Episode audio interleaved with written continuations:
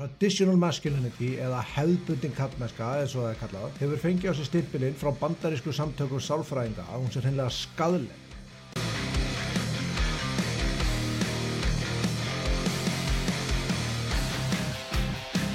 Ég laði fram spurningu fyrir þá sem fylgja síðunu minni um hvað verði það fyrsta sem þeim ditt í hug þegar orðið kallmaður eða man var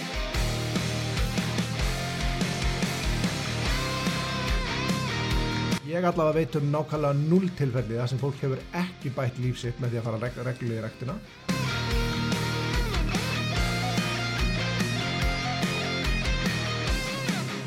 Dæmis nefna að þó hann sé kannski ekki oft það fyrsta sem að flestir nefna þegar þú notar orðið kallmenni þá er mjög auðvelt að færa rauk fyrir því að Páll Óskar sé ótrúlegur á þessu sviði. Eru að hafa þórað á sínum tíma til að koma út og vera eins konar, já, ommi Íslands mætti segja. Þráttir alltaf mótlæti sem hann fjekk að korki bugast, nýja brotna, heldur þóra bara að vera algjörlega hann sjálfur. Slíkt hugur ekki er vandfund.